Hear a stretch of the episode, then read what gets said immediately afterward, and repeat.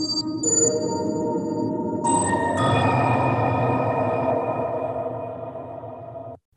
HSI, teman hijrah meniti sunnah.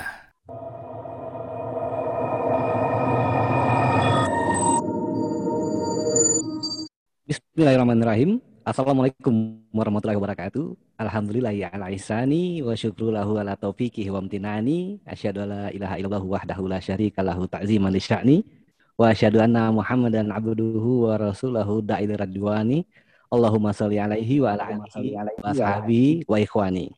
Dari studio Probolinggo dan Timur Jakarta, kembali kami menemani Anda di akhir pekan yang cerah ini dalam live program Bincang Radio HSI, Teman Hijrah Meniti Sunnah. Sebelumnya kami mohon maaf yang sebesar-besarnya karena kadarullah siaran radio HSI pada malam hari ini tertunda. Karena narasumber kita yang berada di wilayah Provinsi Daerah Istimewa Aceh sesuai dengan jadwal waktu sholatnya pada pukul 20 baru melaksanakan sholat ibadah sholat isya. Senang sekali malam ini kita dapat kembali berjumpa dan kita berdo berdoa kepada Allah bahwa perjumpaan malam ini adalah perjumpaan yang dicintainya. Amin. Ana Yoga selama lebih kurang 60 menit ke depan akan membersamai Anda insya Allah dalam sajian program Bincang Wirausaha yang kita siarkan setiap Jumat Sebagaimana telah kami sampaikan tadi, akhir pekan Anda tidak akan sepi, insya Allah, karena Radio HSI akan menemani Anda semua dalam program live bincang Radio HSI dengan narasumber-narasumber yang mumpuni di bidangnya masing-masing. Serentak kami live siarkan di semua media sosial Radio HSI, yaitu ada website radio.abdullahroy.com, Facebook, Instagram, Twitter, Pinterest, dan LinkedIn Radio HSI. Dan kita juga relay selama 24 jam di Twitch TV. Dan jangan lupa, YouTube Radio WSI juga ada. Silakan like, subscribe, serta bunyikan tanda lonceng agar Anda mendapatkan notif konten terbaru atau live program yang sedang berlangsung.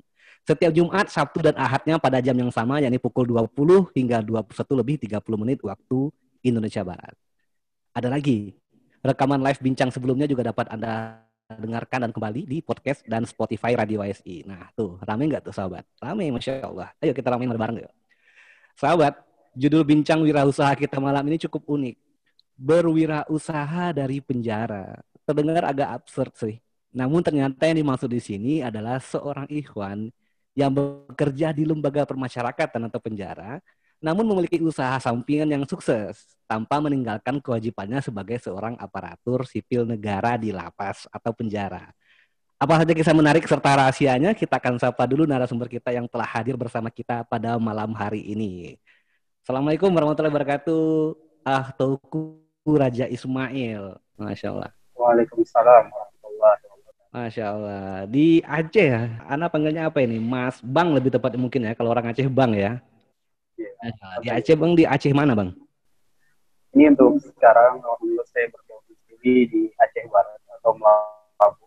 Melabu. Sebuah daerah yang memang kena dampak tsunami itu luar biasa. Oh, Masya Allah tsunami itu. Di Melabuh yang juga terkena dampak tsunami yang paling besar ya?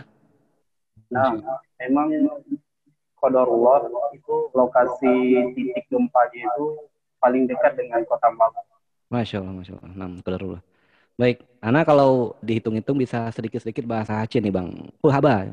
Alhamdulillah. Ada lagi nih, Aceh Jimpa. Aceh. Melabu ya. Masya Allah.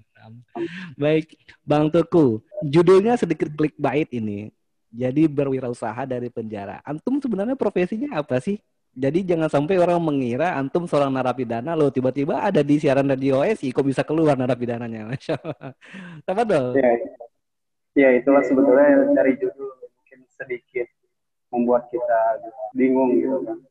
Dan saya ingin jelaskan sedikit agar rasa bingung atau penasaran para pemirsa itu bisa terjawab atau tak bayarnya. Jadi kebetulan alhamdulillah dengan izin Allah itu saya bekerja di sebuah lembaga pemasyarakatan yang ada di Aceh atau biasa disebut dengan lapas atau lebih. Dan saya itu seorang PNS dan lulus masuk PNS-nya itu di tahun 2017. 2017, nah.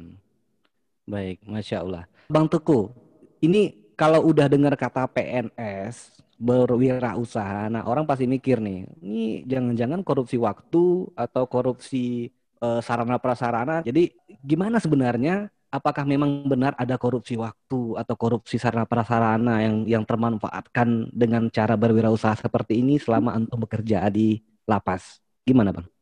Nah, ini udah sebuah pertanyaan yang memang menarik untuk kita perbincangkan. Karena memang kita ketahui PNS itu kan merupakan sebuah kewajiban kita kepada negara atau tugas kita kepada negara untuk mengabdi kepada negara di saat waktu yang telah ditentukan. Dan hmm. alhamdulillah di lembaga pemasyarakatan yang di tempat saya bekerja, itu kami kan bekerjanya shift. Jadi ketika saya masuk siang, saya ada waktu di waktu paginya sama malamnya. Biasanya itu ketika masuk siang itu piket siang dari jam 2 sampai jam 8 malam. Hmm. Keesokan harinya saya tuh masuk piket pagi itu dari jam 8 pagi sampai dengan jam 2 siang dan malamnya itu disambung udah disambung masuk piket malamnya jam 8 malam. Keluarnya itu jam 8 pagi. Dan liburnya itu alhamdulillah di tempat saya bekerja itu dua hari. Jadi dua hari kerja dua hari libur libur. Jadi waktu inilah yang saya manfaatkan. Waktu libur yang dua hari ini saya manfaatkan sebaik mungkin untuk bisa menjalankan usaha-usaha yang sudah saya jalankan. Masya Allah, Masya Allah. Kalau misalnya untuk korupsi waktunya itu memang sebetulnya hampir tidak ada karena ketika kami bertugas di lembaga pemasyarakatan itu kami diwajibkan fokus kepada tugas kami jadi handphone handphone tugas itu di kalau bisa memang di minimalisir pemakaiannya itu dikurangi gitu kecuali ada kebutuhan mendesak seperti kebutuhan keluarga atau keluarga yang sedang sakit telepon atau orang tua dan sebagainya. Gitu. Masya Allah, Masya Allah. Nah, baik para sahabat radio di di mana pun anda berada. Jadi kita dari awal sudah tahu nih, yang namanya tugas PNS itu ternyata bisa, bisa tidak disamakan dengan pekerjaan sampingan. Contohnya yang Bang Teguh sekarang ini, beliau ketika bertugas sebagai petugas lapas tidak mencampur adukan dengan usaha pribadinya. Bang Teguh, PNS wirausaha, duluan mana? Duluan mana yang dimulai ini? Jadi saya cerita sedikit. Alhamdulillah di tahun 2011 itu saya nikah. Jadi ketika nikah itu tuntutan dari keluarga kan harus memiliki sebuah pekerjaan. Nah. Jadi baik dari keluarga istri maupun keluarga saya pribadi. Jadi setelah menikah itu kodorullah uangnya itu atau tabungan yang tersimpan di tabungan itu cuma 300 ribu. Jadi dari modal 300 ribu itu bagaimana saya berpikir, ini uang 300 ribu gimana caranya saya bisa menghasilkan uang lagi dengan modal 300 ribu ini gitu. Karena memang kalau misalnya kita pikir uang 300 ribu itu kan sebuah modal yang sangat kecil bagi seseorang pelaku usaha yang ingin memulai bisnis usahanya. Tapi saya tidak berpikir demikian. Karena bagi saya, sesuatu itu harus kita lakukan. Kita harus ikhtiar, kemudian kita berdoa kepada Allah, dan kita bertawakal kepada Allah. Jadi, dari modal 300 ribu tersebut, saya mencoba mencoba untuk mengambil barang-barang. Ketika itu saya pertama usaha saya itu saya berbisnis buah-buahan. Ini udah. Buah Jadi buah-buahan seperti apel, rambutan, buku. Jadi bisa dikatakan saya distributor buah untuk di wilayah Kabupaten Nagan Raya, tapi di Aceh juga gitu. Nah, udah ya. Hmm. Jadi dari situ dari modal itu terus berkembang, terus berkembang, terus berkembang kodarullahnya ketika 2013 saya ada keinginan gitu udah melanjutkan kuliah di bidang bahasa Arab. Hmm. Jadi saya putuskan untuk break sejenak usaha saya, saya lanjutkan kuliah di pendidikan bahasa Arab. Kemudian tahun 2017 itu saya selesai dan kebetulan dibuka CPNS di kementerian dan saya mencoba untuk masuk jalur SMA. Nah, udah. Jadi kodorullahnya lulus. Dan setelah lulus itu, satu tahunnya saya tidak buka usaha. Jadi 2018 itu saya off sejenak karena saya fokus kepada PNS saya. Saya mencoba dulu untuk memanajemen waktu bekerja saya sebagai PNS di lembaga pemasyarakatan. Kemudian setelah saya dalam jangka satu tahun itu bisa saya manajemen, bisa saya kontrol dan jadwal piketnya itu jelas, baru saya mencoba untuk membuka sebuah usaha baru. Jadi saya ajak teman-teman yang memang mayoritas mereka itu tidak bekerja saat itu, saat itu dan saya, dan saya ajak mereka untuk bergabung dengan saya dan saya coba bantu mereka modal seadanya gitu eh seadanya gitu udah kan. Jadi ketika itu saya coba untuk menjalankan berbagai macam usaha. Mulai dari usaha jual beli pembibitan saya buka usaha pembibitan sawit dan alhamdulillah sampai sekarang masih berjalan. Kemudian saya buka usaha penjualan tanaman herbal dari pohon bidara, tin, zaitun, min, bergamot, min, dan lain sebagainya gitu. Pokoknya tanaman tanaman herbal yang memang dia memiliki khasiat untuk menyembuhkan penyakit gitu. Bisa dikatakan toga, tanaman obat keluarga. Dan ketika berjalan dengan waktu tersebut, alhamdulillah Allah berikan kelebihan. Saya mencoba sisi sebuah usaha yang itu bisa dikatakan hampir pilot. Nah, jadi usaha teman yang memang hampir bangkrut, kemudian saya ambil alih dan saya jalankan sampai sekarang yaitu usaha fotokopi juga gitu udah. Baik ini suksesnya nggak pernah ada ininya ya nggak pernah ada. Maksudnya kalau yang namanya usaha sampingan cuman ada satu hal satu hal positif yang anda tangkap. Ketika antum ternyata sudah mulai duluan sebelum antum menjadi PNS antum sudah mulai duluan usaha. Ketika antum setelah menjadi PNS antum memutuskan berhenti dan fokus kepada tanggung jawab antum. Baru kemudian setelah bisa mengendalikan atau manajemen waktu baru mulai usaha lagi Nah ini kan nggak ada, anda lihat nggak ada tarik ulurnya, jatuh bangunnya. Sebenarnya ada nggak? Atau memang mulus-mulus aja Alhamdulillah kadarullah Allah berikan terus rezeki dari mulai jualan buah, produsen buah sampai dengan sawit ini. Gimana Mas? Nah, jadi memang kalau jatuh bangun bagi seorang pengusaha itu biasa ya. Kan? Jadi bisa dikatakan itu seperti makanan sehari-hari. Karena kita tidak akan sukses kalau misalnya kita tidak siap jatuh bangun atau tidak siap menanggung segala risiko yang akan terjadi. Karena kebanyakan pengusaha-pengusaha pemula atau pengusaha-pengusaha muda itu kan mereka yang yang mereka khawatirkan itu resiko di awal. Jadi, oh gimana nih ketika saya membuka sebuah usaha nanti kalau sempat rugi atau nggak ada pembeli Jadi dulu kendala saya pertama itu ketika saya membuka usaha itu kan hanya dengan baru modalkan 300 ribu. Kebetulan saya kan perlu kendaraan untuk transportasi untuk bisa menjalankan usaha distributor saya. Kebetulan saya ketika itu tinggal dengan mertua dan saya berbicara dengan mertua dan kodarullah mertua itu mendukung. Karena memang beliau itu juga salah seorang pedagang buah. Jadi saya pakai kendaraan beliau untuk mengambil-ngambil buah tersebut. Jadi kalau misalnya ada buah yang dari Medan itu biasanya dikirim udah langsung ke toko. Nah, kalau misalnya yang buah-buah tersedia di desa-desa atau di kampung-kampung itu seperti buah rambutan itu kan musiman udah. Dan biasa di Aceh itu banyak, tersedia eh, di kampung-kampung itu banyak. Dan saya itu mengambilnya dengan sepeda motor dulu, dengan sepeda motor. Nah, jadi saya bawa misalnya kalau rambutan di sini kan perikat. Jadi perikat itu saya bawa satu sepeda motor itu muatnya 150 ikat. Nah, jadi ketika itu terus berjalan dan memang ketika resiko ketika kita menjadi seorang distributor buah itu adalah pelanggan kita itu rata-rata mereka berhutang. Nah, inilah udah yang jadi problem yang membuat kadang-kadang saya itu sampai susah untuk menagihnya. Gitu. Ada memang yang nanti pelanggan sampai hutang sekian puluh juta gitu kan. Kadang-kadang ada yang sampai sekarang saya sudah off di distributor buah itu masih ada hutang gitu. Dan itu udah lama tahu.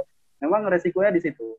Dan jatuh bangun yang lain ketika usaha yang kita jalankan, dulu saya sempat buka usaha hijab itu di daerah Tapak Tuan dan kodorullah itu nggak jalan udah nggak jalannya mungkin karena memang saya lost control. Lost controlnya artinya saya tidak memantau langsung ke tempat usaha saya gitu. Tidak langsung pergi ke sana tidak melihat situasi dan kondisi di sana itu seperti apa.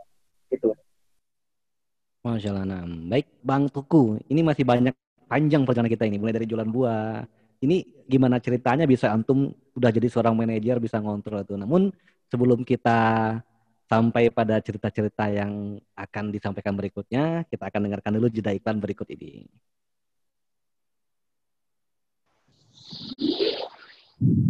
Sahabat Radio HSI, untuk menjadikan weekend malam Anda lebih bermanfaat, Kami hadir menemani Anda dengan berbagai program menarik berikut ini.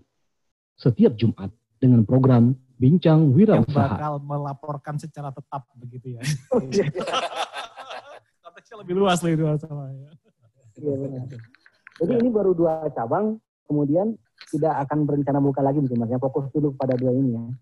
ya sampai kondisi juga ya mas sekarang Benar, memang benar. masih Setiap Sabtu dengan program Bincang Kesehatan. nggak mau belajar gitu kita kalau nggak mau belajar jadi terus saja kita akan takut terus itu Eh, apa namanya ya lebih baik kita mempelajari sehingga kita tahu langkah-langkah apa yang harus kita lakukan untuk mengatasi kolesterol ini gitu mas Dan, dan setiap Ahad dengan program Bincang Motivasi Hijrah.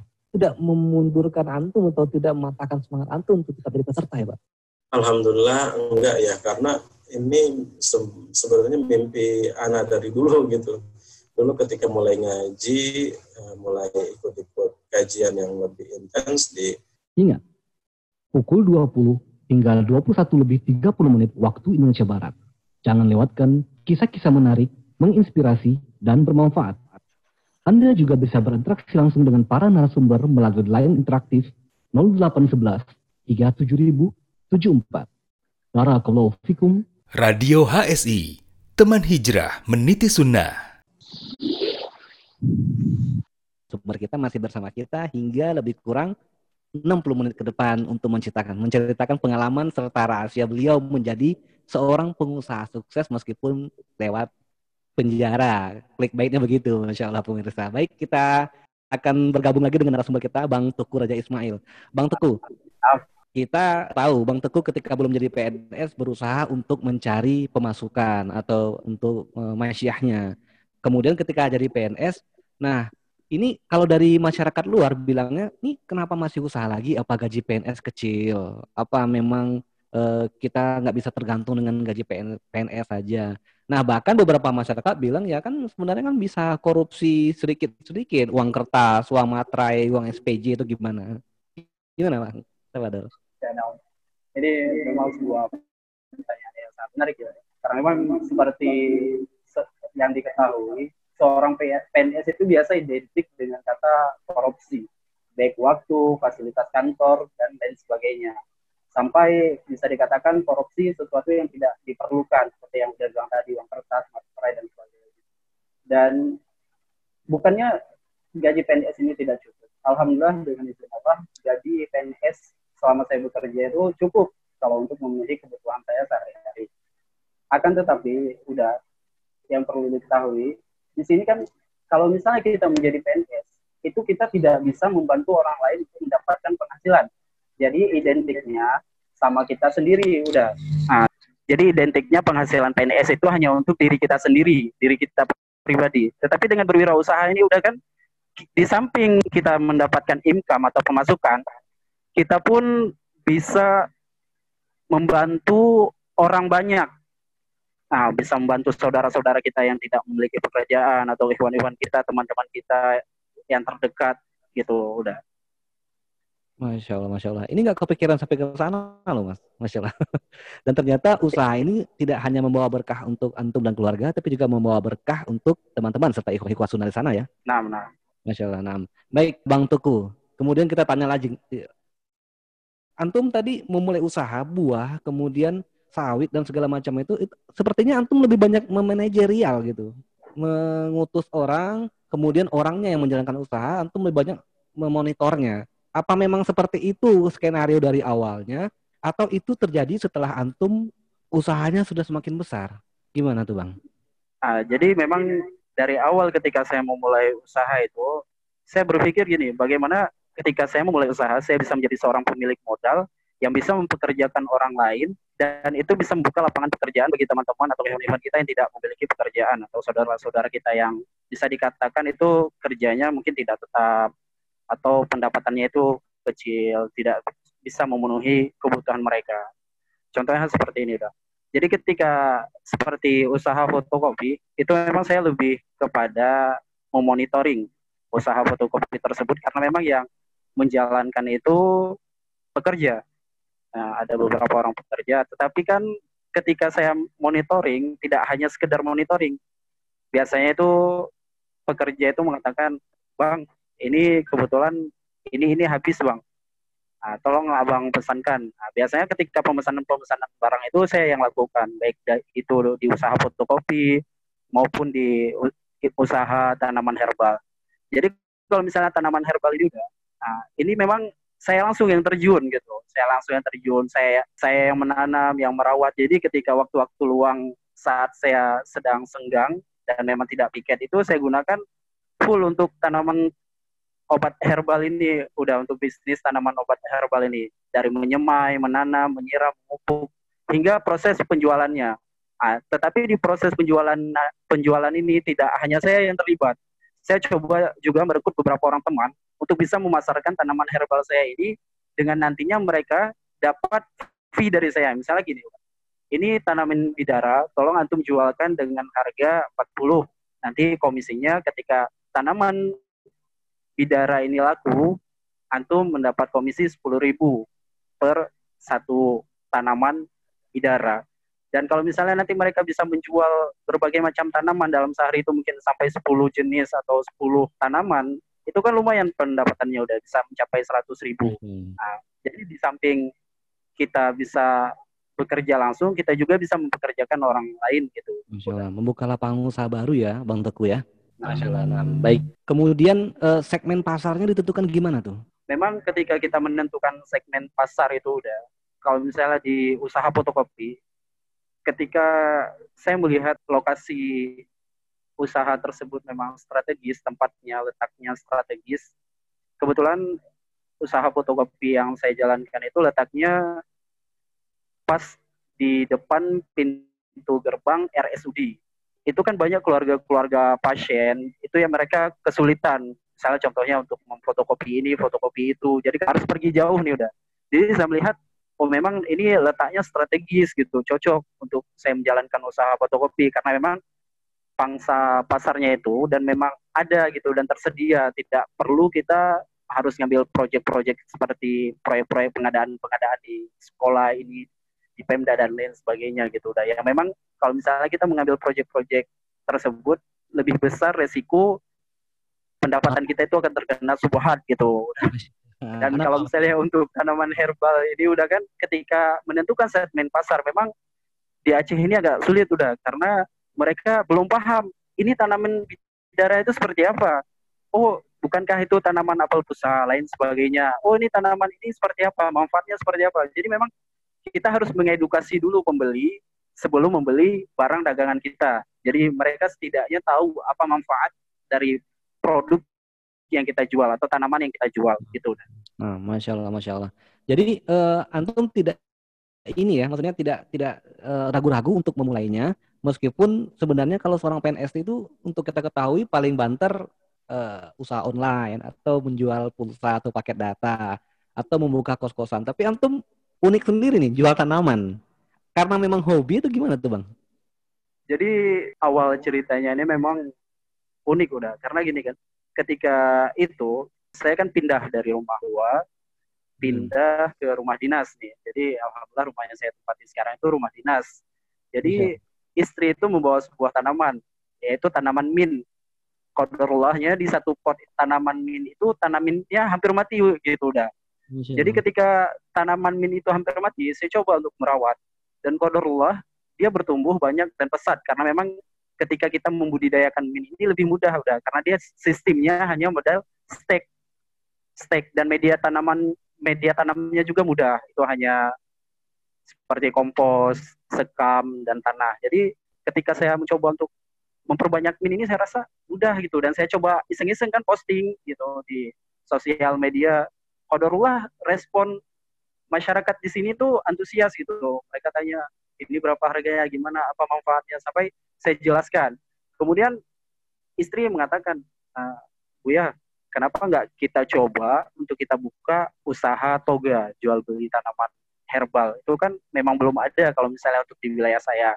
Oh betul juga sih kalau misalnya untuk tim labu itu memang tidak ada. Jadi saya terbesit sama istri ya udah coba kita lakukan sedikit sedikit lah jadi awal mulanya itu kami mencoba untuk memesan bibit itu dari Medan dari Medan dan kami coba memesan 100 bidara, 50 pohon tin dan zaitun serta lainnya. Jadi saya coba dan alhamdulillah karena tadinya modal iseng-iseng dan akhirnya saya lihat oh ini buahnya bagus gitu. Hasil yang kita petik pun bagus dan manfaat bagi masyarakat pun banyak gitu. Udah. Belajarnya dari mana bang? Nggak mungkin dong tiba-tiba ngerti soal stek soal uh, pupuk yang bagus bagaimana. Belajar dari mana? Apa dari internet? Atau ada seseorang yang memang memandu dari awal? Jadi gini udah. Sebetulnya kalau belajarnya itu saya belajarnya otodidak. Karena memang saya basicnya kan di SMK sekolah menengah kejuruan akuntansi keuangan. Ya memang kami itu tidak belajar seluk beluk tentang biologi atau tanaman.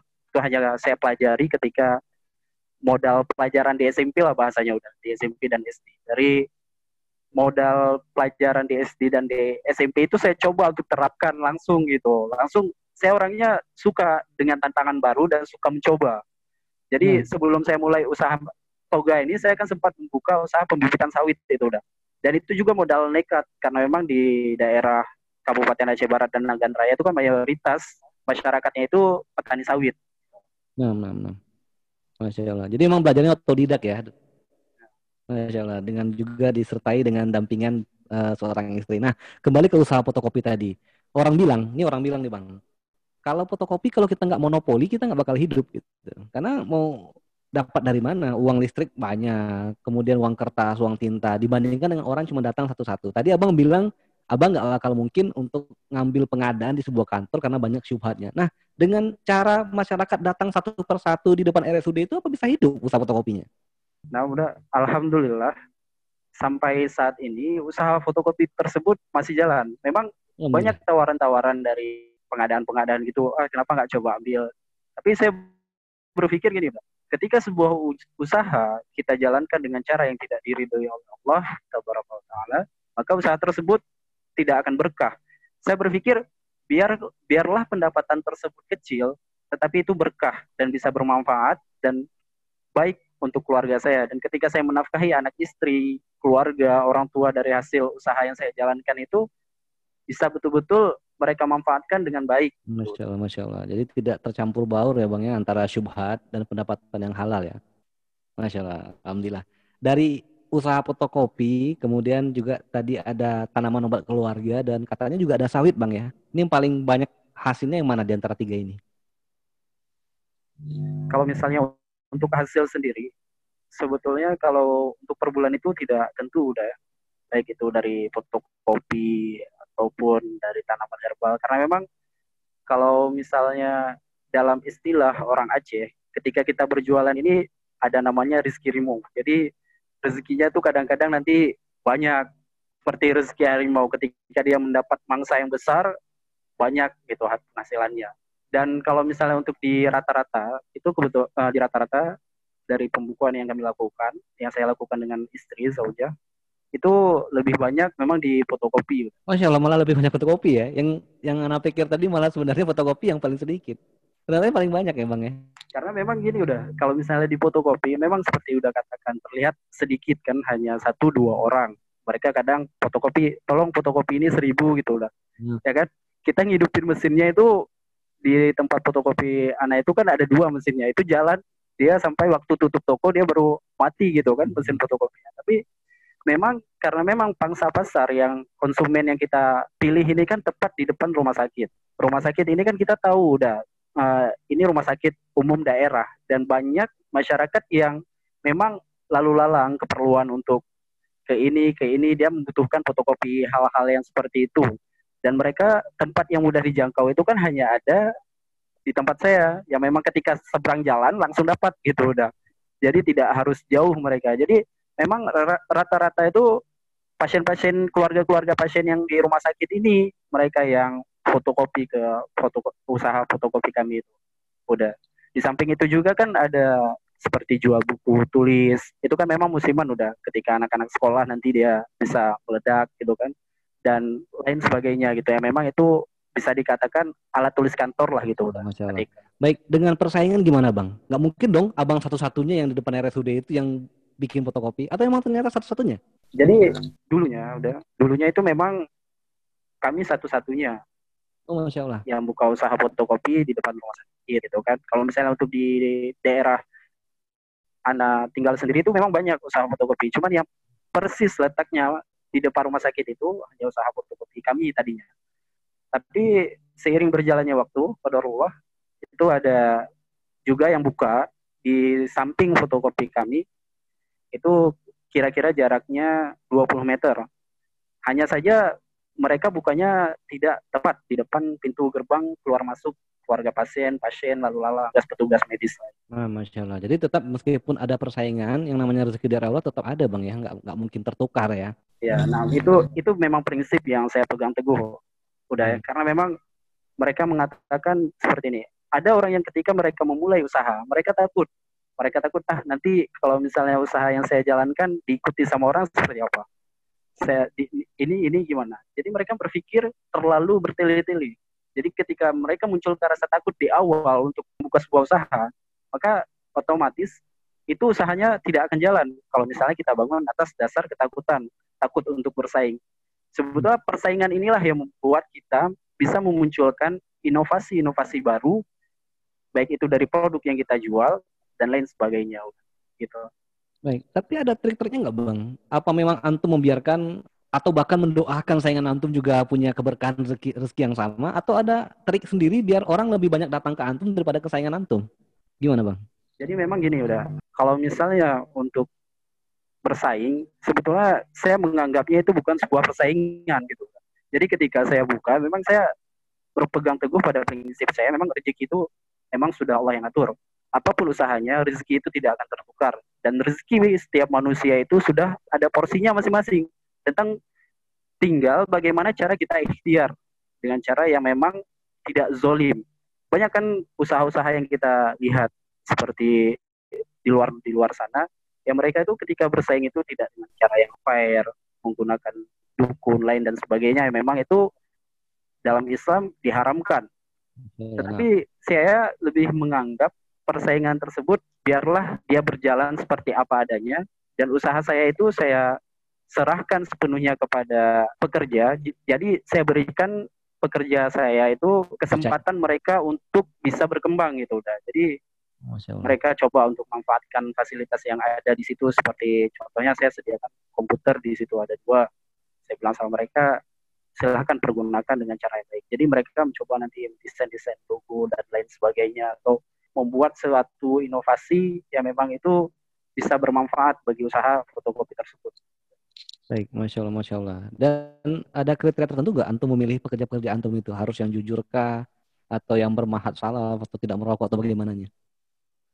Jadi gini lah, kalau misalnya dari saya pribadi, saya memang lebih menekankan kepada pekerja itu wajib pekerja kami itu melaksanakan sholat di waktu. Itu yang paling utama. Karena memang seseorang yang rata-rata mereka itu mengerjakan sholat, maka sedikit kemungkinan atau kecil kemungkinan mereka itu untuk berbuat salah gitu udah. Jadi saya pilih itu ya memang yang pertama itu mereka melaksanakan sholat lima waktu dan berpakaian rapi ketika bekerja dan memang tempat kerjanya itu udah saya sediakan langsung. Udah itu tempat tinggalnya pun saya sediakan, uang makannya saya sediakan. Jadi kalau misalnya untuk tempat tinggalnya itu mereka tinggal langsung di toko fotokopi tersebut. Udah. Dan kalau misalnya untuk makan itu memang saya sediakan langsung dari penghasilan atau pendapatan harian gitu. Udah misalnya nanti uang makan ini per hari sekian, udah saya porsikan silahkan ambil dari uang tersebut.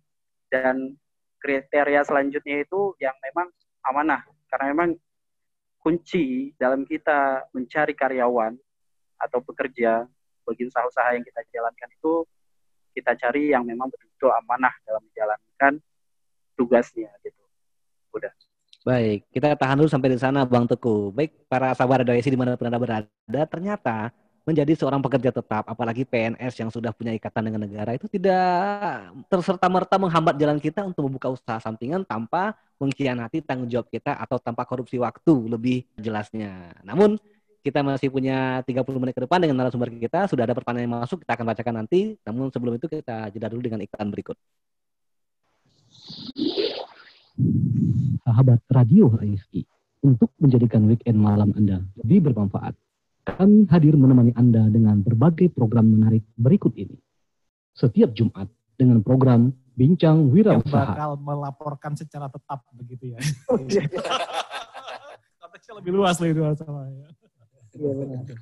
Jadi ini baru dua cabang, kemudian tidak akan berencana buka lagi mungkin mas. Ya, fokus dulu pada dua ini ya. Ya sampai kondisi juga ya mas. Sekarang Benar, memang benar. masih Setiap Sabtu dengan program Bincang Kesehatan. kita nggak mau belajar gitu kita kalau nggak mau belajar jadi terus saja kita akan takut terus itu Eh, apa namanya ya lebih baik kita mempelajari sehingga kita tahu langkah-langkah apa yang harus kita lakukan untuk mengatasi kolesterol ini gitu mas Dan, dan setiap Ahad dengan program Bincang Motivasi Hijrah. Tidak memundurkan antum atau tidak mematahkan semangat antum untuk tetap jadi peserta ya Pak? Alhamdulillah enggak ya karena ini se- sebenarnya mimpi anak dari dulu gitu. Dulu ketika mulai ngaji, eh, mulai ikut-ikut kajian yang lebih intens di Ingat, pukul 20 hingga 21 lebih 30 menit waktu Indonesia Barat. Jangan lewatkan kisah-kisah menarik, menginspirasi, dan bermanfaat. Anda juga bisa berinteraksi langsung dengan para narasumber melalui line interaktif 0811 37074. Barakallahu fikum. Radio HSI, teman hijrah meniti sunnah.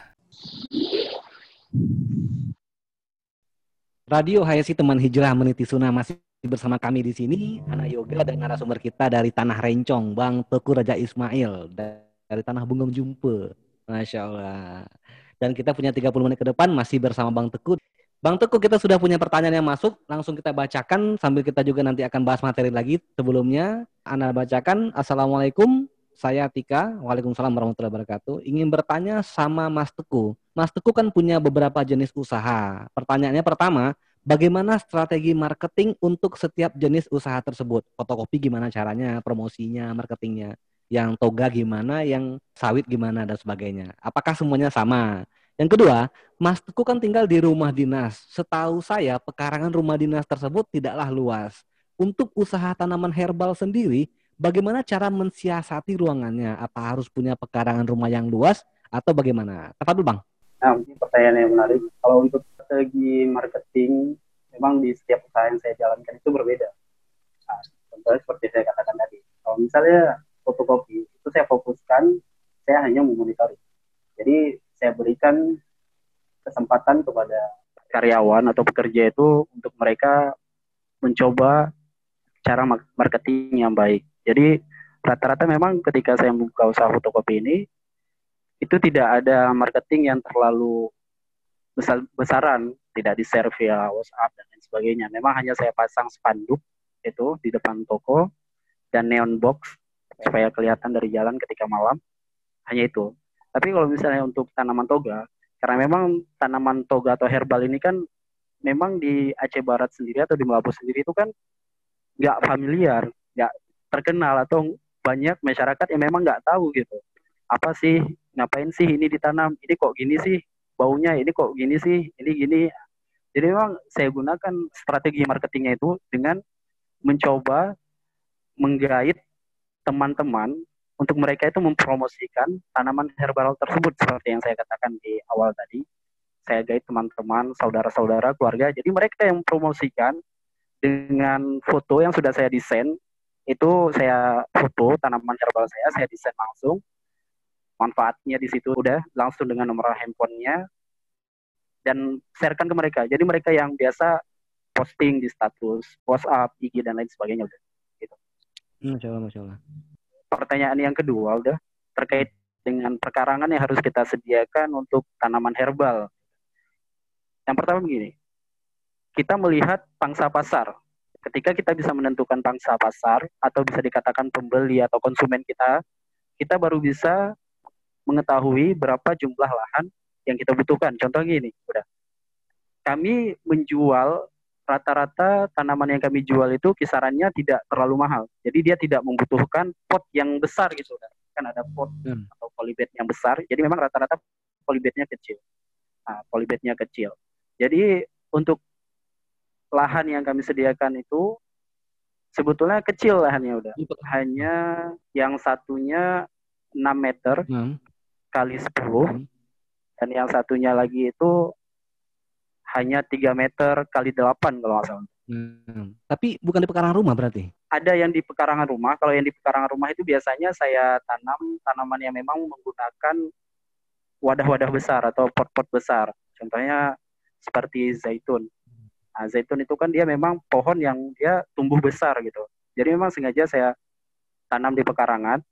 Jadi kalau misalnya memang kodorullah ketika saya tanam di pekarangan itu ada yang tertarik dengan tanaman yang saya tanam itu mereka meminta beli, ya saya jual gitu udah. Tapi tidak fokus saya pasarkan kalau misalnya untuk tanaman yang ada di pekarangan di halaman rumah. Baik, baik, masya Allah. Sambil bisnis juga hobi juga ya bang ya. Baik, ke pertanyaan berikutnya sudah bergabung bersama kita. Pertanyaannya, Assalamualaikum warahmatullahi wabarakatuh. Waalaikumsalam warahmatullahi wabarakatuh. Mohon izin bertanya. Setahu saya, pengusaha-pengusaha sukses itu harus punya modal mental seperti fokus yang tinggi. Fokusnya dalam tanda kutip nih bang. Fokus, berarti intinya harus meninggalkan semuanya fokus kepada usahanya. Nah, Bang Tuku ini kan PNS, apa yakin bisa fokus? Kalau sekedar usaha sampingan saja, apa yakin akan bisa sukses ke depannya? Jazakallah khairan. Apa betul, Bang? Um, ini pertanyaan menarik. Memang fokus itu dibutuhkan dalam setiap usaha. Jadi ketika kita menggeluti sebuah usaha, kita harus fokus kepada usaha tersebut agar usaha tersebut bisa berkembang. Kalau misalnya fokus kita terpecah, itu rata-rata usaha kan tidak jalan. Hmm. Udah. Banyak kan kita lihat kalau misalnya seseorang yang fokusnya itu terpecah atau terbagi, mereka itu tidak bisa memanajemen usaha-usaha tersebut atau tidak bisa mengontrol usaha-usaha yang mereka jalankan. Memang fokus itu perlu, tetapi karena ini bersifat sampingan dan memang bukan pekerjaan pokok, jadi memang sampingan, walaupun sampingan, kita tetap harus mengetahui seluk-beluk usaha yang akan kita jalani tersebut. Jadi jangan sampai ketika kita menjalani usaha tersebut, kita nggak tahu nih, oh kalau misalnya tanaman tin itu nggak boleh, kalau misalnya pertama kita stek itu dia nggak boleh terlalu kena hujan. Jadi kita akan mencoba untuk melindungi tanaman tersebut dari hujan secara langsung gitu kan. Nah, fokus di sini dalam arti kata kita sebetulnya bisa dikatakan fokus karena memang tugas pekerjaan kita itu kan kalau misalnya di kantor kami kan shiftnya hanya 8 jam. Benar, benar.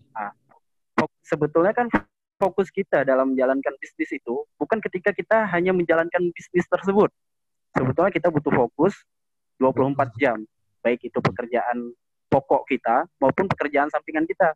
Jangan hanya ketika kita terjun, udah tutup toko, kita nggak ada fokus lagi untuk usaha kita. Tapi kan ketika memang kita sudah tutup, sudah kita bukukan, buat pembukuan per hari, kita lihat pendapatan, oh ini gimana sih cara kita meningkatkan, ini gimana cara kita menarik konsumen agar lebih. Itu kan bisa dikatakan juga fokus kita untuk mencari konsumen, ya kan, bagi produk-produk yang akan kita tawarkan, gitu. Udah.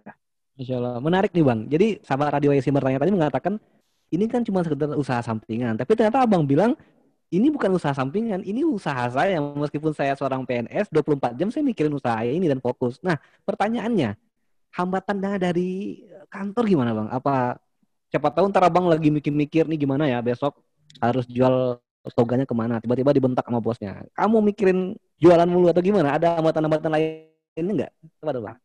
Kalau misalnya dibilang hambatan itu memang udah banyak ya. Kalau misalnya dalam kita menjalankan usaha. Yang pertama memang seperti dibilang tadi fokus. Ketika kita menjadi seorang PNS, fokus kita akan terpecah. Tetapi walaupun terpecah, bukan berarti kita tidak memikirkan usaha yang kita jalankan. Contoh katanya seperti ini udah. Ketika saya bekerja, masuk piket, itu udah saya fokus di pekerjaan saya yang PNS. Itu saya lupakan sejenak masalah usaha-usaha saya yang ada di luar. Dan rata-rata itu ketika saya bekerja memang saya tidak melayani ketika ada konsumen yang bertanya tentang ini gimana sih, ini gimana. Malahan ketika saya itu membuka usaha seperti alat tulis, fotokopi, dan toga, itu saya menawarkan kepada rekan-rekan di kantor udah. Jadi misalnya kan ada rekan-rekan di kantor, kami di kantor itu udah ada namanya Dharma Wanita. Jadi perkumpulan ibu, perkumpulan istri-istri pegawai ini udah. Jadi nanti ya kami coba di situ untuk mempromosikan tanaman kami ini seperti min. Jadi memang rata-rata teman-teman di kantor itu mensupport gitu, memberikan dukungan gitu. Ini bagus usahanya gini gini gini Dan dari situlah memang sebetulnya kita harus belajar bahwasanya sesuatu itu kalau misalnya kita jalankan dengan cara kita bisa memanajemen waktu dengan baik, insya Allah usaha tersebut akan berjalan gitu. Masya. Nah, baik bicara manajemen waktu, sudah ada lagi penanya yang bergabung dengan kita. Kita bacakan pertanyaan dari penanya berikutnya dari Abu Raihan, ARN 17104 074 peserta ASI angkatan 171. Pertanyaannya Masya Allah, Ana senang dengar kisah-kisah inspiratif Ikhwan HSI seperti Bang Teguh ini. Dengan usaha sebanyak itu, ditambah kesibukan jadi PNS, bagaimana cara mengatur waktu kesibukan semua itu dengan waktu untuk keluarga dan menuntut ilmu? Nah, manajemen waktu nih Bang, gimana? Keluarga, ilmu, dagang. Dan tambah satu lagi. Memang, Masya Allah, tafadol. Nah, jadi ketika memang kita menjalankan, ya seperti saya, kesibukan saya, saya di samping kesibukan saya menjadi PNS dan menjalankan usaha, saya juga kan memiliki kewajiban, yaitu menuntut ilmu. Dan hmm. kadang ini yang sering terabaikan oleh pengusaha-pengusaha. Bukan hanya menuntut ilmu, maaf kita katakan, contoh ada seorang pengusaha sukses, namun dia meninggalkan sholat, namun dia meninggalkan puasa, hanya gara-gara dia menjalankan usahanya. Ini juga tidak dianjurkan Nah, jadi saya mencoba dan kebetulan alhamdulillah saya punya basic bahasa Arab udah ya karena memang saya kuliahnya di prodi bahasa Arab. Jadi saya mencoba gitu di rumah untuk bisa mengkaji pelajaran-pelajaran yang pernah saya terima di sekolah tinggi yang memang itu basisnya sunnah gitu kan. Di sebuah perguruan tinggi yang memang berbasis sunnah ya memang itu dosen-dosennya rata-rata sunnah gitu. kecuali memang pelajaran-pelajaran yang bersifat umum. Jadi kalau misalnya untuk belajar sendiri, saya itu memang punya waktu khusus. Punya waktu khusus, contohnya gini. Kalau misalnya ada daurah ustadz-ustadz sunnah yang diadakan di Melabuh dan itu terjangkau, maka saya lebih memilih untuk menghadiri majelis ilmu dulu. Saya tinggalkan semuanya. Saya tinggalkan usaha fotokopi dan usaha toga saya. Saya fokus kepada menuntut ilmu. Kalau misalnya memang itu kadang-kadang ada daurah besar atau kadang-kadang itu saya belajarnya itu via online uh, via online dalam arti kata seperti ikut halako di ISI juga saya juga termasuk peserta salah satu peserta di sebuah angkatan Masya Allah, saya juga itu belajarnya itu sering dengar kajian-kajian secara online. Insya Allah. Nah, jadi memang semuanya tersinkronisasi jadi satu, Bang ya. Keluarga juga aman ya. Dan Zauja atau itu juga ikut membantu dalam pekerjaan ini ya? Nah, itu memang istri sangat mendukung, sangat membantu. Karena memang ini udah ya, ketika saya menjalankan aktivitas saya, itu kan saya piket dua hari, dua hari libur. Jadi hmm. di hari kedua libur itu, biasanya memang saya gunakan memang untuk waktu berduaan sama istri di rumah. Dalam hmm. arti kata, kami kan mengurus toganya itu berdua. Betul, Jadi ke kebun berdua, nyiram berdua. Jadi memang kami bercengkraman berdua itu memang di rata-rata itu kami banyak menghabiskan waktu ini di kebun toga gitu kadang-kadang sekali-kali di fotokopi kadang-kadang nanti memang saya gunakan satu hari itu satu malam satu malam. Jadi ketika jam 4 sore biasanya saya tuh pulang ke rumah orang tua. Jadi khusus dari empat hari tersebut ada satu hari yang saya sediakan itu untuk orang tua saya. Jadi jam 4 sore saya pulang nginap di rumah orang tua malamnya. Kemudian paginya saya pulang siangnya saya masuk tiket. Gitu. Udah Baik, ternyata romantismenya juga berwira, berwirausaha sambil romantisme ya, berdua dengan istrinya, mengurus toga ya. Yang jomblo kepanasan, Masya Allah. Baik, Bang Tuku. Tadi sudah kita ceritakan, Antum sudah bisa memanage waktu, usahanya sudah sangat sukses, kemudian juga eh, dengan keluarga dan ilmu juga nggak ketinggalan. Nah, hambatan yang terjadi kan bukan hanya dari kantor aja, atau ada hambatan-hambatan lainnya enggak? Dan gimana solusi Antum untuk mengatasi hambatan-hambatan tersebut? Kalau hambatan-hambatan itu memang tentu ada udah. Contohnya seperti ini. Pernah ketika saya memesan toga, nah, hmm. ketika saya memulai usaha toga atau usaha lainnya, contoh dulu pernah saya ketika saya memulai usaha distributor buah itu udah, nah, saya sempat pesan buah duku dari Palembang itu satu mobil L300 Nah kan, jadi satu mobil pickup gitu. Saya pesan itu udah hampir dua per tiga dari barang yang dikirim dari Palembang itu busuk gitu. Busuk. Dan memang ketika busuk ini kan rata-rata kita rugi pasti mental kita kan akan down. Tetapi saya tidak berpikir seperti itu. Saya berpikir bagaimana dengan hasil yang ada yang sisa sisa yang bagus itu untuk bisa mengembalikan modal. Karena memang kan ketika menjual sebuah produk yang menentukan harga kita ini si pemilik produk tersebut.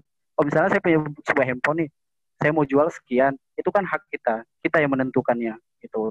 Jadi kebetulan ketika itu nggak ada buah duku dan saya pasarkan dan alhamdulillah mereka terima dengan harga yang saya tawarkan dan mereka mau ambil gitu. Begitu juga ketika saya menjalankan usaha toga. Ketika pengiriman tanaman itu kan resikonya itu tanamannya mati atau batangnya patah di jalan. Contoh pernah dikirim pohon tin itu dari Pulau Jawa itu sampai matinya itu 30 batang udah. Itu harganya lumayan kalau misalnya diuangkan itu memang jenis tinnya itu mahal-mahal gitu. Nah, jadi kodorullah ketika mati tersebut, saya tetap mengkalkulasikan pengeluaran saya itu kan seluruh udah. Ketika saya misalnya contoh membeli pohon tin itu dalam 50 batang itu katakan 3 juta saya kalkulasikan seluruh, tapi ketika yang datang itu tiba-tiba banyak yang mati, misalnya contoh katakan tinggal 30 nih udah. Nah, jadi yang 30 itulah saya bagi 3 juta. Oh, berarti per satu pohonnya 100. Saya coba untuk jual 110 atau 120. Begitu seterusnya udah. Dan hambatan lain banyak. Banyak yang paling sering itu udah masuk sapi atau kerbau di lahan perkarangan ini udah. Jadi kami coba untuk pasang jaring, atau datang hama-hama gitu kan. Nah, kalau hama-hama ini biasanya kami tidak terlalu sering menggunakan pupuk kimia, pestisida pun tidak terlalu sering karena memang fokus kami ingin menjual tanaman herbal yang dia memang betul-betul organik gitu, udah tanpa ada pestisida. Kalau hambatan lainnya dulu memang di modal awal karena memang seperti kita ketahui ketika membuka usaha itu kan mayoritas pengusaha-pengusaha muda ini kan atau pengusaha-pengusaha pemula ini berpikir ah nggak jalan kalau misalnya usaha yang kita jalankan itu tidak memiliki modal besar. Tetapi hmm. itu adalah perkataan yang salah. Sebetulnya bukan hanya uang modal tersebut atau aset yang harus kita miliki. Tetapi saya lebih melihat kepada selain modal, kita harus memiliki link atau channel atau kenalan-kenalan yang bisa kita manfaatkan. Hmm. Contohnya nih, oh udah yoga di rumah punya bidara, nah, kita partner. Udah gimana kalau misalnya saya beli dulu bidaranya 50 pohon tetapi saya bayarnya minggu depan. Hmm. Karena ada link-link inilah kita bisa memperbesar atau memperluas jaringan usaha kita. Udah seperti itu. Nah, ternyata sederhana ya bang ya, nggak nggak sampai serumit-rumit apa. Karena biasanya kalau orang baru mau mulai usaha ini pemetaannya banyak banget nih rumit. Ini nasihat antum gimana bang untuk yang hal-hal seperti ini, yang perencanaan yang terlalu rumit begini? Kalau perencanaan ini untuk para pelaku usaha yang pemula atau yang baru terjun di dunia usaha itu saya sudah coba menuliskan. Yang pertama, ketika kita mau mulai usaha, bangunlah motivasi. Karena tanpa ada motivasi, kita pun nggak akan tergerak untuk menjalankan usaha tersebut. Nah, itu yang pertama. Jadi kita harus membangun motivasi dalam diri kita. Yang kedua itu bulatkan tekad. Ketika motivasi tersebut sudah kita bangun, kita harus bulatkan tekad. Bismillah, dengan izin Allah, saya coba nih nah, itu, usaha ini. Karena memang ketika usaha tersebut kita mulai dengan Bismillah, inilah yang memang sebetulnya harus kita mulai sesuatu itu dengan Bismillah. Karena memang ketika kita memulai dengan nama Allah, insya Allah usaha tersebut akan berjalan selama kita bisa meninggalkan sesuatu yang haram.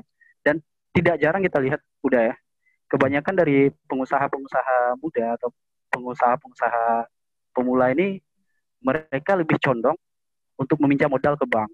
Padahal kita tahu nih udah, bank itu sistemnya kalau yang konven itu riba. Kita tahu itu riba. Riba itu haram. Kita jalankan usaha dengan cara yang haram. Bagaimana penghasilan yang akan kita dapatkan? Saya selalu berpikir seperti itu. Itu yang saya tanamkan dalam diri saya. Gimana caranya usaha yang saya jalankan itu terlepas daripada modal yang haram. Yang kedua, setelah kita bulatkan tekad, kita coba untuk ikhtiar. Kita bekerja, kita hmm. cari apa yang sesuai dengan pasar, apa yang dibutuhkan oleh pasar di lingkungan kita. Oh, contoh nih, kalau misalnya di lingkungan kita itu lebih masyarakatnya lebih suka kuliner. Nah, kenapa nggak kita coba usaha kuliner yang itu kita mulai dari rumah gitu udah. Saya gini, sebelum ketika pandemi ini saya sudah mencoba buka usaha jual mie goreng hanya saja itu menggunakan lobster dan bakso menggunakan lobster. Tapi kodorullah usaha tersebut nggak bertahan nih udah, hanya bertahannya tujuh hari. Kenapa? Karena bahan baku lobsternya ini harus dipasok dari Pulau Simelu. Dan kodorullahnya itu lobster dan lobster sendiri langka di sana dan agak sulit. Udah itu ditambah dengan peraturan pemerintah yang melarang menangkap lobster yang kecil-kecil, yang bolehnya dua on ke atas dan lain sebagainya. Udah setelah itu udah setelah kita bulatkan tekad, kita bangun motivasi, kita bulatkan tekad, kita ikhtiar. Kemudian jangan pernah lupa untuk bertawakal kepada Allah taala. Karena segala apa pun usaha yang kita jalankan, hasilnya itu Allah yang menentukan. Kita bisa menargetkan usaha tersebut akan mendapat penghasilan 10 juta misalnya sebulan. Tetapi Allah lebih tahu apa yang kita butuhkan. Bisa jadi mungkin itu akan kurang dari target kita atau lebih dari target kita. Maka tawakal ini memang harus diperlukan bagi seorang pengusaha pemula atau pengusaha muda ini. Kemudian kita harus ingat, seperti yang saya katakan tadi, rezeki itu memang udah diatur oleh Allah. Jadi ketika kita yakin dengan konsep tersebut udah, insya Allah berapapun rezeki yang Allah berikan kepada kita, kita akan senantiasa bersyukur dengan apa yang Allah berikan. Kemudian nasihat saya, pilihlah bisnis yang memang dikuasai. Nah, hmm. Contoh misalnya kalau misalnya kita ada basic di bidang ilmu pertanian, kenapa nggak coba usaha-usaha yang memang di bidang pertanian seperti jual alat-alat pertanian, pupuk dan lain sebagainya. Atau memang dia punya kemampuan di bidang perikanan dan lain sebagainya. Jadi cobalah pilih bisnis yang dapat kita kuasai. Jadi contoh seperti saya kenapa memilih buka toga. Karena saya awalnya itu dari iseng-iseng menjadi suka. Dan istri itu selalu suka. Kami itu dulunya pernah gini, ah coba Buya tanam ini hidup nggak? Buya mau lihat. Ya udah Buya gitu juga coba Buya tanam ini, Buya rawat. Kita lihat nanti siapa yang bagus nah gitu. Jadi berawal dari situlah ya udah pelajari gitu kan, pelajari lihat pertumbuhannya, lihat perkembangannya hingga kami mencoba untuk menanam seledri itu atau daun sop yang lebih populernya itu dari biji dari pohon seledri sampai dia berbunga ada bijinya kecil-kecil, kami coba semai dari biji-bijian dan kodor luas tumbuh gitu, tumbuh dan memang bagus dan kami coba pasarkan. Alhamdulillah di pasarannya diterima. Kemudian manfaatkan seperti yang saya katakan tadi udah, manfaatkan aset apa pun yang kita miliki. Seperti saya bilang, kita punya link nih, kenapa nggak kita gunakan? Atau kita punya rumah di depan rumah nih, oh bisa kita buka dos mir atau steam sepeda motor atau cuci kendaraan kenapa kita buka? Kita manfaatkan aset yang ada. Jangan kita hanya fokus ah nih enggak kalau misalnya mau buka usaha nih harus punya toko dulu. Enggak kami itu ketika buka usaha mie lobster itu atau bakso lobster itu kami mencobanya itu dari rumah. Kenapa nggak kita coba dari rumah dulu? Oh ya nanti kalau misalnya memang kodorullah ini berjalan dan memang pasarnya itu bagus baru kita coba sewa tempat untuk kita buka yang lebih besar. Kemudian udah, memang seperti saya katakan tadi, pengusaha ini tidak terlepas dari yang namanya hambatan dan resiko. Itu pasti akan ada. Pasti hmm. akan ada dan pasti akan kita lalui. Jadi nasihat saya, perkuatkan perkuatlah kesabaran. Karena memang kesabaran di sini menjadi sebuah kunci bagi kita dalam menjalankan sebuah usaha. Ada orang kan buka usaha oh nggak sabar dia. Tiba-tiba dilihat satu minggu nggak berkembang dua minggu nggak berkembang. Alah tutup aja ya. Kenapa nggak kita coba sampai minggu ketiga atau minggu keempat atau satu bulan dua bulan? Karena kita tidak pernah tahu pendapatan kita.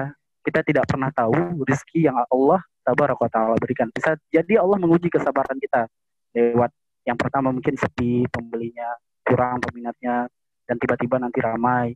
Itulah Allah uji kesabaran maka nasihat saya perkuatlah kesabaran ketika kita memulai usaha dan tingkatkanlah ketakwaan kepada Allah itu udah. Baik, masya Allah. Baik, sebelum kita tutup terakhir bang, bicara soal bahasa Acehnya rezeki harimau ya. Nah di tempat daerah Ana juga ada tuh bang, Ana di daerah asal Ana juga dibilangnya rezeki harimau. Jadi kadang dapat, kadang enggak. Namun meskipun begitu, meskipun antum bilang kadang besar, kadang tidak, pasti dong ada sukses story antum sampai dengan saat ini udah berapa usaha dan pemasukan itu kira-kira cukup nggak bang? Apa ternyata sama aja dengan gaji PNS atau bahkan lebih besar berkali berapa kali lipat dari gaji PNS? Apa tuh bang? Nah, Nah, mudah kalau misalnya bagi saya pribadi, saya punya prinsip seperti ini. Ketika saya memperoleh penghasilan, saya ingin membantu teman-teman saya dengan apa yang saya miliki. Jadi konsep kami dengan istri, saya dengan Sauja atau dengan istri, itu lebih kepada kami keperluan keseharian kami itu fokus kami gunakan dari gaji PNS. Hmm. Alhamdulillah Allah cukupkan. Dan untuk usaha yang seperti fotokopi dan toga itu kami fokuskan penghasilannya itu untuk bantu keluarga. Jadi hmm. saya itu alhamdulillah masih memiliki seorang ibu dan empat orang adik dan duanya masih sekolah dan jadi tanggung jawab saya. Nah, jadi pendapatan dari toga dan fotokopi ini saya fokuskan untuk membantu orang tua. Saya membantu mertua dan adik ipar serta keluarga-keluarga yang ada di sekitar. Karena sering kita lihat pengusaha-pengusaha ini menutup mata terhadap keluarganya sendiri. Mereka sukses, tetapi mereka enggan membantu orang tua. Tapi itu kebalikan daripada saya. Kalau saya lebih melihat sukses saya itu sejauh mana saya bisa berbuat banyak untuk orang banyak, berbuat baik untuk orang banyak, terutama keluarga gitu. Karena banyak nih pengusaha-pengusaha mereka tuh kadang kikir atau pelit untuk menraktir temannya duduk-duduk gitu ketika ngobrol atau mengundang temannya untuk sebuah acara makan-makan walaupun hanya sekedar makan-makan biasa gitu. Masya Allah. Jadi antum satu-satunya narasumber yang baru bilang begini nih. Ternyata sukses itu bukan sukses pada diri sendiri, tapi bisa membuat orang bahagia ya bang ya. Bisa.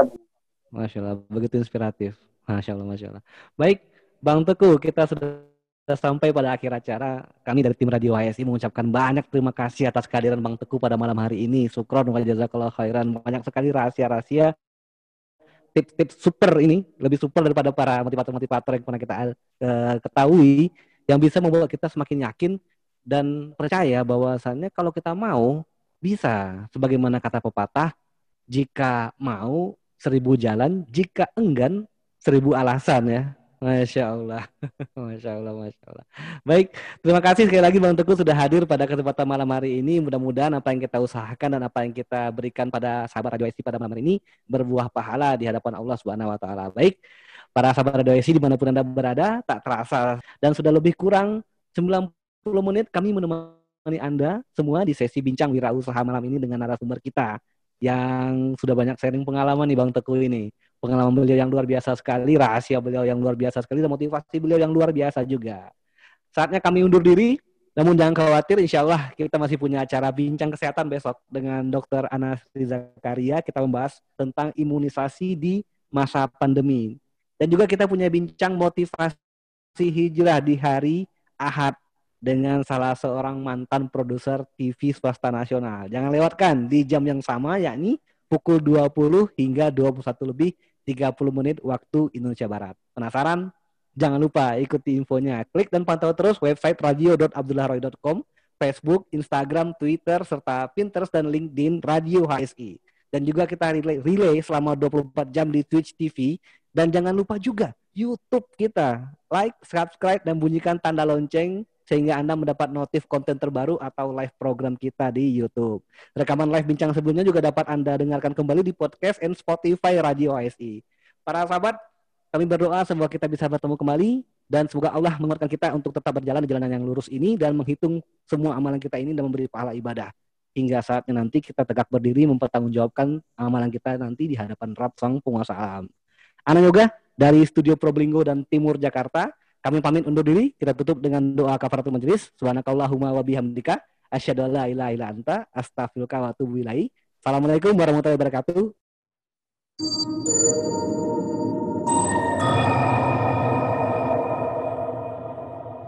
Radio HSI, teman hijrah meniti sunnah.